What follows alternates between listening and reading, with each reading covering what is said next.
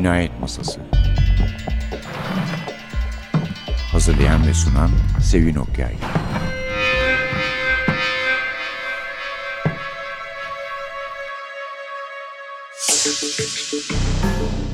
Merhaba. NTV Radyo'nun Cinayet Masası programına hoş geldiniz. Efendim bir usta var bugün karşımızda. Yani polisi seven sevmeyen herkesin okuduğu daha çok adli muammalara eğilimli ve çok satan dediğimiz gibi bir usta John Grisham. Pek çok filminin de pek çok kitabının da filmlerini görmüşüzdür. Beyaz perdeye aktarılmıştır. Bu kitabı Vurguncu isimli kitap. Yani Türkçe adı Vurguncu ve orijinal adı The Racketeer.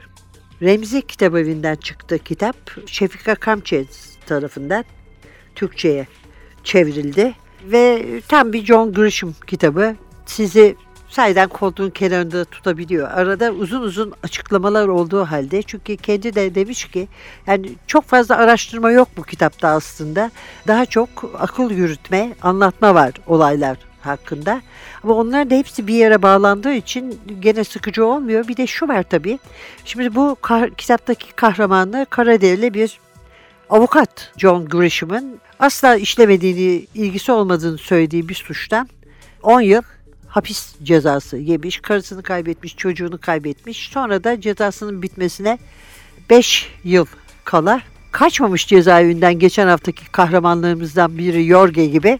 Ama öyle bir şey yapıyor ki şartlı olarak FBI onun hapisten çıkarılmasını istemek durumunda kalıyor. Ve bu adam kahramanımız Bannister, Malcolm Bannister hep e, bir yerde şöyle demiş bir avukat ona diyor ki senin için yasa dışı sayılabilecek bir şey yapıyorlar.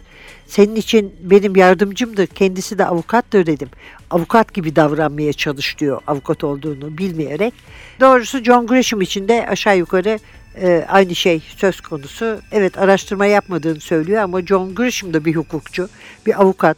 Dolayısıyla onun için bu adli ağırlıklı vakaları tercih ediyor, onları ele alıyor.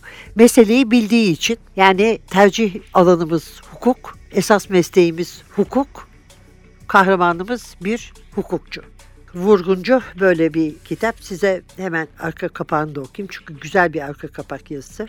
Şöyle başlıyor, yaptıkları işin önemine verdikleri yanlış kararlara e, bakılırsa demiş. ABD tarihinde faal görev yapan federal yargıçların içinde sadece dört tanesinin cinayete kurban gitmesi fevkalade şaşırtıcı diye bir fikir beyan etmiş kahramanımız tabii. Raymond Fawcett bunların beşincisi oldu. Cesede kendi yaptırdığı ve hafta sonlarını geçirdiği göl kenarındaki küçük bir evin giriş katında bulundu. Pazartesi sabahı duruşmaya gelmeyince katipler telaşlanıp FBI'yı aradı. Ardından ceset cinayetin işlendiği yerde FBI görevlileri tarafından bulundu. Kapı zorlanmamıştı, boğuşma izi yoktu. Sadece iki ceset vardı. Yargıç Fawcett ve genç sekreteri buna işkence görmüş genç sekreteri diye ekleyelim. Yargıç Fawcett'i tanımam diyor bizim baş karakterimiz. Ama onu öldürenin kim olduğunu ve neden öldürdüğünü biliyorum. Ben bu avukatım ve hapisteyim. Bu uzun bir hikaye. Evet gerçekten uzun bir hikaye. Zaten Vurguncu da bu hikayeden ibaret. Hem onun avukatımızın nasıl hapse düştüğünü, nasıl masum olduğunu buna rağmen hapse düşmesine rağmen anlıyoruz, okuyoruz, öğreniyoruz. Hem de onun zekasını kullanarak bu hapishaneden çıkmayı, cezasının yarısından kurtulmayı nasıl başardı?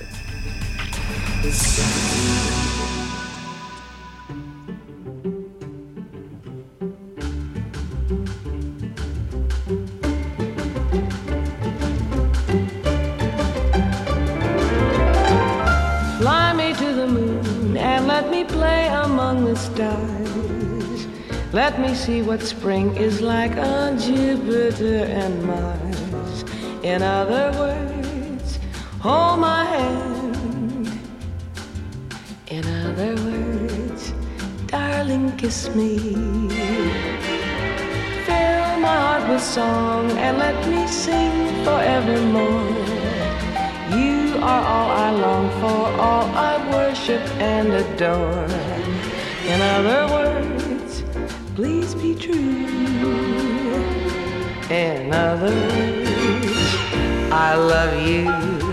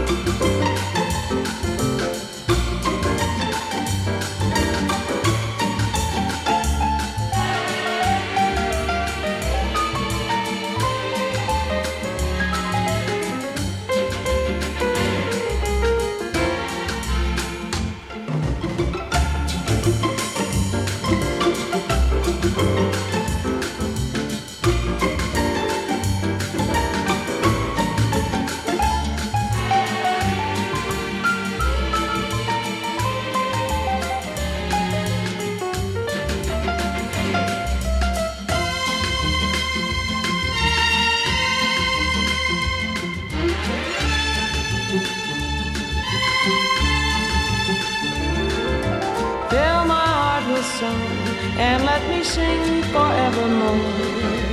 You are all I long for, all I worship and adore. In other words, please be true.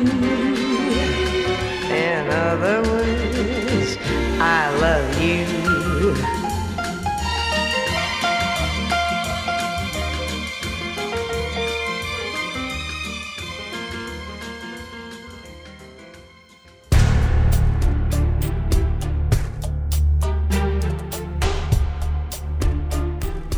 Vurguncu Ben bir avukatım ve cezaevindeyim. Bu uzun bir öykü. 43 yaşındayım. Washington DC'deki aciz ve riyakar bir federal yargıç tarafından verilen 10 yıllık cezanın hemen hemen yarısını çektim. Tüm temyiz başvuruları normal seyrini izledi. Ama hiçbir yasal çıkış yolu, yoruma uygun hiçbir emsal durum, atlanmış bir detay, yasal boşluk ya da son bir umut çıkmadı. Artık bütün cephanemi tükettim. Yapılabilecek hiçbir şey kalmadı. Yasaları bildiğim için bazı mahkumlar gibi yığın yığın işe yaramaz dilekçelerle mahkemeleri meşgul edebilirim. Ama bunların hiçbir yararı olmaz. Lehime kullanabileceğim hiçbir şey yok. Gerçek şu ki 5 yıl daha hapisten çıkmayacağım. Örnek davranışlar sergilediğim için belki iyi halden birkaç hafta erken çıkarım o kadar. Teknik olarak artık avukat sayılmadığım için kendimi avukat olarak tanıtmasam iyi olur. Virginia Eyalet Barosu cezam kesinleştikten kısa süre sonra duruma el koyup avukatlık ruhsatımı iptal etti. Kullanılan ifade çok açıktı. Ağır suçtan hüküm giyen kişi barodan atılmayı hak eder. Ruhsatım elimden alındı ve disiplin suçlarım Virginia avukat siciline işlendi. O ay barodan ben dahil 3 kişi çıkarılmıştı ki bu da olağan ortalama sayıdır. Ben artık bu küçük dünyamda bir cezaevi avukatı olarak tanınıyorum. Her gün birkaç saatimi öteki mahkumlara hukuki konularda yardım etmeye ayırıyorum. Temiz dosyaları üzerinde çalışıyor, dilekçelerini yazıyorum. Basit vasiyetnameler ve ara sıra da arazi anlaşmaları hazırlıyorum. Bazı beyaz yakalıların sözleşmelerini kontrol ediyorum. Mantıklı şikayetler için devlete davalar açtım ama ciddiyetsiz olduğunu düşündüklerimle asla ilgilenmedim. Ayrıca çok sayıda boşanma işlemim var. Cezamı çekmeye başladıktan 8 ay 6 gün sonra bana kalın bir zarf geldi. Mahkumlar için mektup almak çok önemli bir şeydir. Ama keşke bu paket bana hiç gelmeseydi. Virginia eyaletindeki Fairfax'taki hukuk bürosundan gönderilmişti. Kendileri karımın avukatlarıydı ve karım benden boşanmak istiyordu. Bu haber benim için bir sürpriz oldu. Dione bana destek olan bir eşken birkaç hafta içinde değişip benden ne pahasına olursa olsun kurtulmaya çalışan bir kurban rolüne girmişti. Buna inanamıyordum. Gelen evrakı tam bir şaşkınlık içinde okudum. Dizlerimin bağı çözüldü, gözlerim buğulandı. Ağlamak üzereyken kendimi hücremin yalnızlığına darattım. Cezaevlerinde çok gözyaşı dökülür ama kimseye gösterilmez. Ben evden ayrıldığımda oğlum Bo 6 yaşındaydı. Tek çocuğumuzdu ama ona kardeş yapmayı düşünüyorduk. Hesap çok açık. Bu hesabı defalarca yaptım. Hapisten çıktığımda Bo 16 yaşında tam bir ergen olacak. Baba ile oğlum birlikte geçirebileceği en güzel yılları biz birbirimizden ayrı geçirmiş olacağız.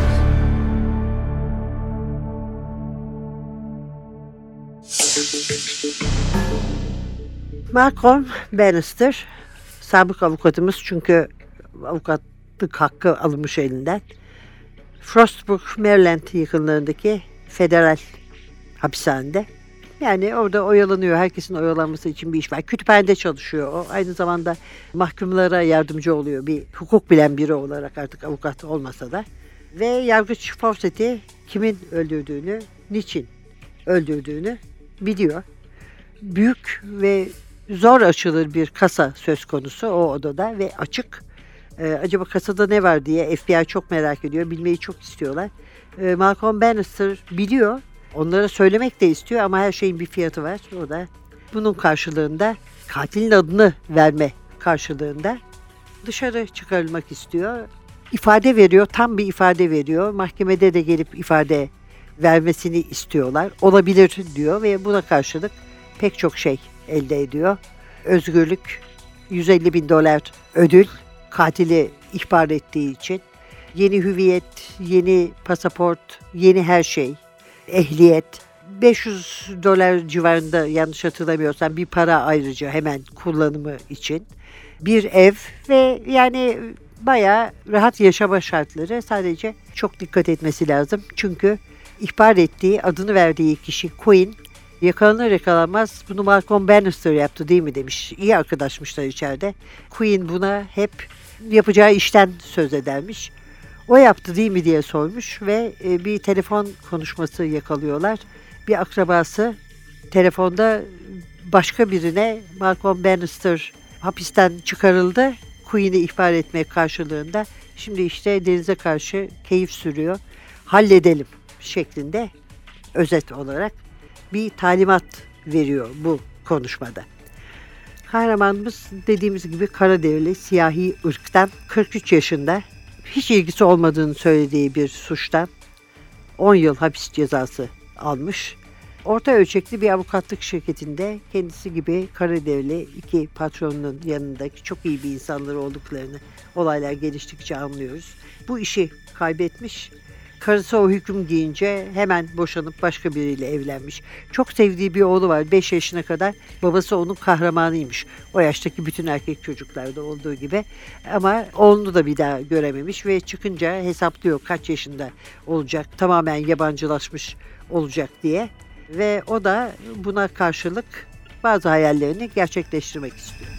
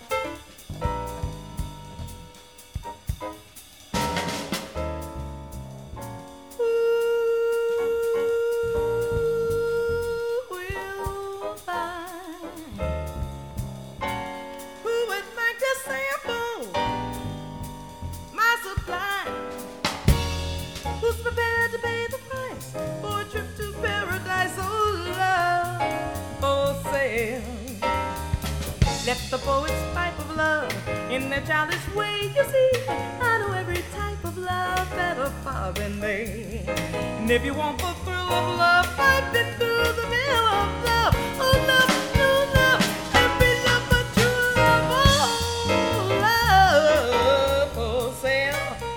I'm advertising young love for sale. If you wanna try my ways, follow me and climb the stairs. Love for sale.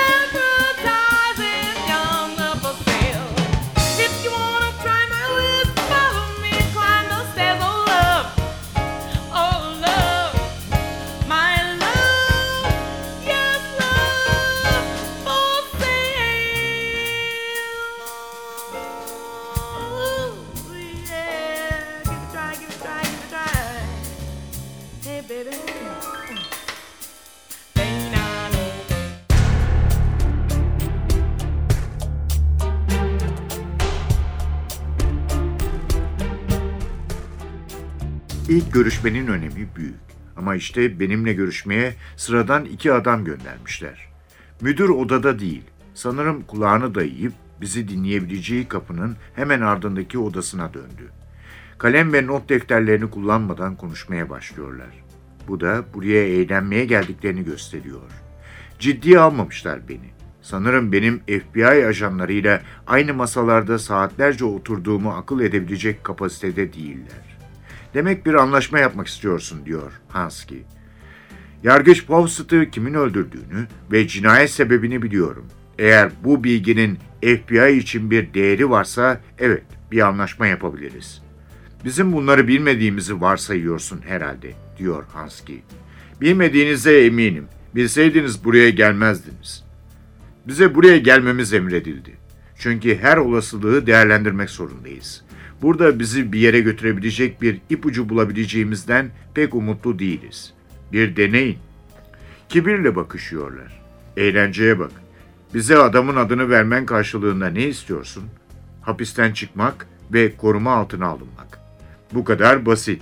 Hayır aslında çok karışık bir durum. Bu şahsın çok pis bir kişiliği ve kendinden daha berbat dostları var. Ayrıca onun hüküm giymesi için iki yıl beklemeye niyetim de yok. Size ismi verirsem hemen çıkmalıyım, derhal. Adam ya mahkum olmazsa, bu sizin sorununuz. Sizin soruşturmayı yüzünüze gözünüze bulaştırırsanız bu benim suçum olmaz. Herardi tam bu sırada defterini ve ucuz cinsinden kalemini çıkarıp not almaya başlıyor. Dikkatlerini çekmeyi başardım. Bütün gayretleriyle kayıtsız görünmeye çalışıyorlar ama zorlandıkları ortada. Gazetelere göre onlara verilen görev ellerinde inandırıcı bir ipucu olmadığı için başarısızlıkla sonuçlanmak üzere. Hansky devam ediyor. Ya bize yanlış isim verirsen? Diyelim yanlış adamın peşine düştük ve sen de bu arada serbest bırakıldın. Ben asla serbest kalamam ama hapisten çıkacaksın ve hayatım boyunca hep arkamı kollayacağım. Tanık koruma programına alınmış birini kaybettiğimiz hiç olmadı. Sayıları 8 binin üzerinde. Siz böyle diyorsunuz ama açıkçası bu gibi kayıtlarınızla ya da bunların dışındakilere ne olduğuyla çok ilgilenmiyorum. Ben kendi postumu kurtarma peşindeyim.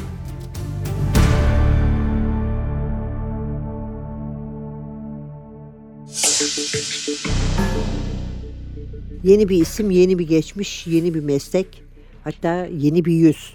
Üstelik de eskisinden daha hoş ve yakışıklı olduğu söylenen bir yüz.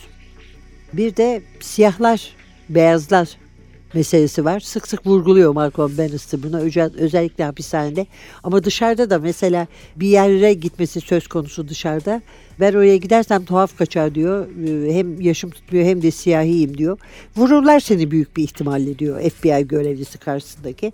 Ve bu kitap hakkında bir yazı yazmış olan Özlem Akalan'ın da dediği gibi hani insan 60'lı 70'li yıllarda geçen bir olay mı acaba diye merak edecek olursa hemen hatırlatmak lazım. Hayır, bugün de günümüzde çok yakın bir geçmişte geçiyor olaylar. Birazcık da isterseniz kendisinden söz edelim.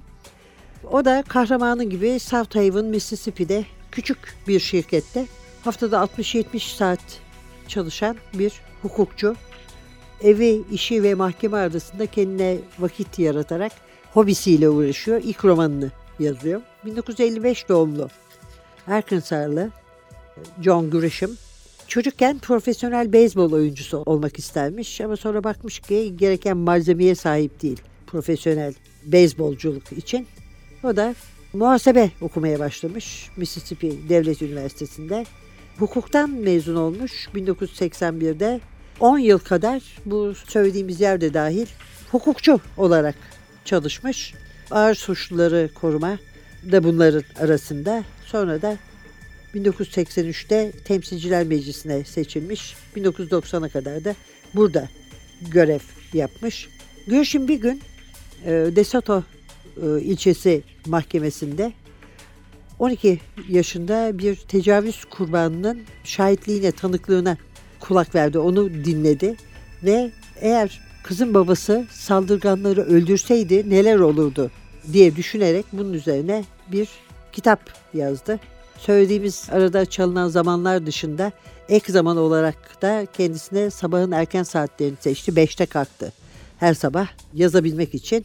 3 yıl uğraştı. Çok iyi bildiğiniz bir kitap üzerinde A Time to Kill ve film üzerinde. 1987'de bitirdi. Önce birkaç yayıncı geri çevirdi bunu reddettiler. Sonunda Winwood Press aldı. 5000 bastılar. 5000 baskı ile 1988 Haziran'da piyasaya çıkardılar. Ama bu arada Grisham bir sonraki kitabına başlamıştı ve hobisini çok geçmeden gerçek bir meslek hayatına dönüştürdü ve e, yayıncılığında en başarılı isimlerinden birisi olmayı başardı. Daha A Time to Kill'i bitirdiğinde başka bir roman üzerinde de çalışmaya başlamıştı.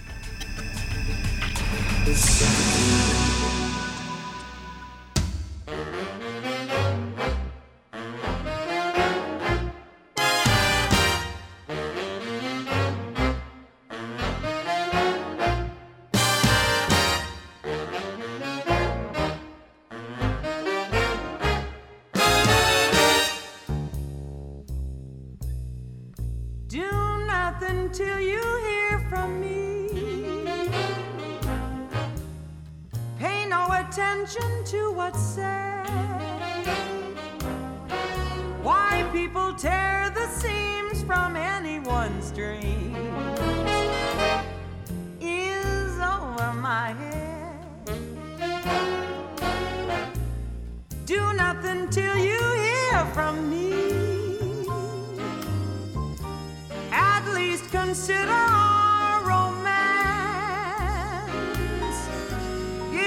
should take the words of others you've heard. I haven't a chance. True, I've been seen with someone new, but does that mean I've when we're apart? The words in my heart reveal how I feel about you. Some kiss may cloud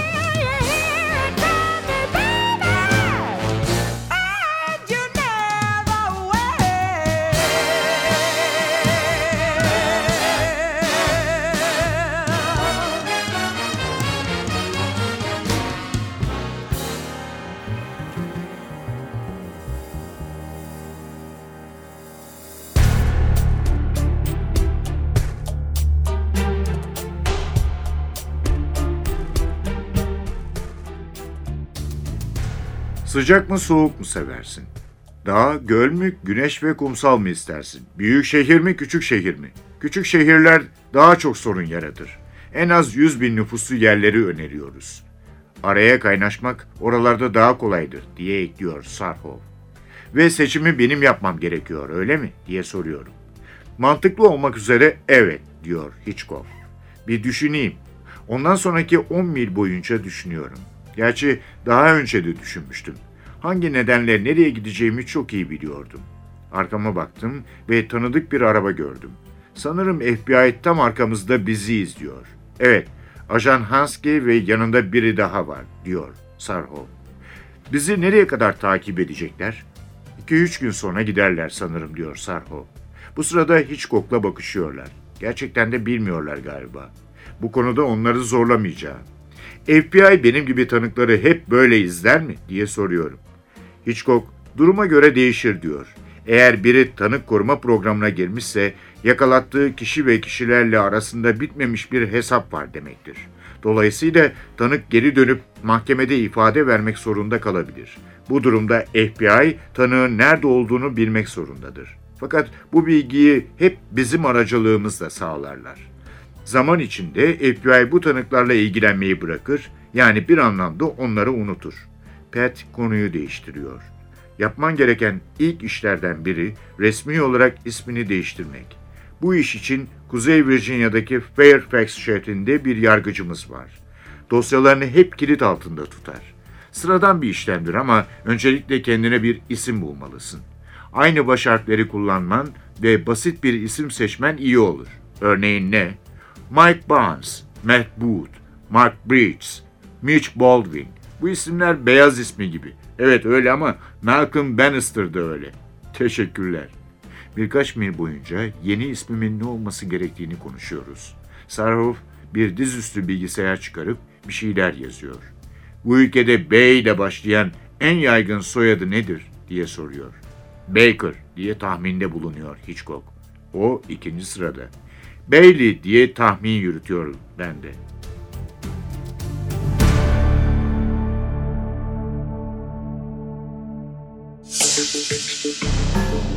Efendim sinema tarafına işin bakacak olursak John Grisham'ın pek çok filmi de var. Mesela hemen hatırlayacağımız neler var? Jury var. The Runaway Jury. Yağmurcu The Rainmaker. The Chamber. Gaz Hücresi. A Time to Kill. Öldürme zamanıydı galiba. The Client Müşteri. The Pelican Brief. Pelikan dosyası. The Firm Şirket. Bunların hepsini biliyoruz. Hepsi bildiğimiz filmler. Hatta bu yıl Dallas Buyers Club'la Oscar adayı olan, geçen yılda çok başarılı performanslar vermiş aktör Matthew McConaughey'nin kendi ilk gösterişi de bu filmle A Time to Kill ile olmuştu. Yazara başka oyuncular teklif edildiği halde ki Brad Pitt ve Val Kilmer'den söz ediyoruz. Yazar Matthew McConaughey'i tercih etti karakteri için. En çok onun benzediğini, en iyi onun e, hayata geçireceğini düşündü. Sahiden de öyle oldu. Çok başarılı bir performansla Matthew McConaughey dikkati üstüne çekti. Filmde beğenildi ve iş yaptı. Efendim The Firm'ü 1993 yapımı. Hatırlarsınız Tom Cruise, Gene Hackman'ın oynadığı bir Sidney Pollack filmiydi. Tom Cruise'un karakteri Mitch McLeary, istikbali parlak olan bir hukukçu, gene bir hukukçu. Baro sınavına girmeden önce hemen şirket yanışıyor ona ve karşı çıkamayacağı bir teklifte bulunuyordu. İşin içine FBI de giriyor tabii her zaman olduğu gibi. Sonra Pelican Brief var. Julia Roberts, Denzel Washington, Sam Shepard, Alan J. Pekula'nın yönettiği bir film. İki Danıştay e, yargıcı öldürülmüş. Bir hukuk öğrencisi gerçeğe rastlamış, gerçek karşısına çıkmış. Araştırıcı bir gazeteci onun hikayesini istiyor. Başka herkes ölmesini istiyor. The Client'ta Susan Sarandon, Tommy Lee Jones, Mary Louise Parker, Joel Schumacher filmiydi. Elde edebileceğinden daha fazlasına göz diken yeni bir avukat. İlle de bir mahkumiyet isteyen bir savcı. Çok fazla şey bilen bir küçük çocuk şeklinde karakterlerimizi özetleyebiliriz. A Time to Kill Matthew McConaughey, Jake Tyler Briggins adlı genç ve çok yetenekli avukatı sunmuştu, tanıştırmıştı bizimle. Şimdi çok sevmiş anlaşılan bu karakteri yazarımız çünkü bir e, kitap daha yazdı onun üstüne. O da bu yakınlarda çıkacak ya da belki çıktı. Sycamore Row diye. Bu da A Time to Kill'in devamı. Kitabı da merakla bekliyoruz. Filmi de bekliyoruz. Acaba diyoruz gene Matthew McConaughey mi oynayacak? Büyük ihtimalle öyle olacak. Efendim kitabımız Vurguncu The Racketeer. John Grisham yazdı. Şefika Kamces çevirdi. Remzi Kitap Evi'nden çıktı. Haftaya başka bir programda başka bir muamma ile yine birlikte olmak umuduyla mikrofonda Sevin Masada Hasan hepinize iyi günler diler. Yani işiniz diyoruz ne olur ne olmaz hukuka pek düşmesin.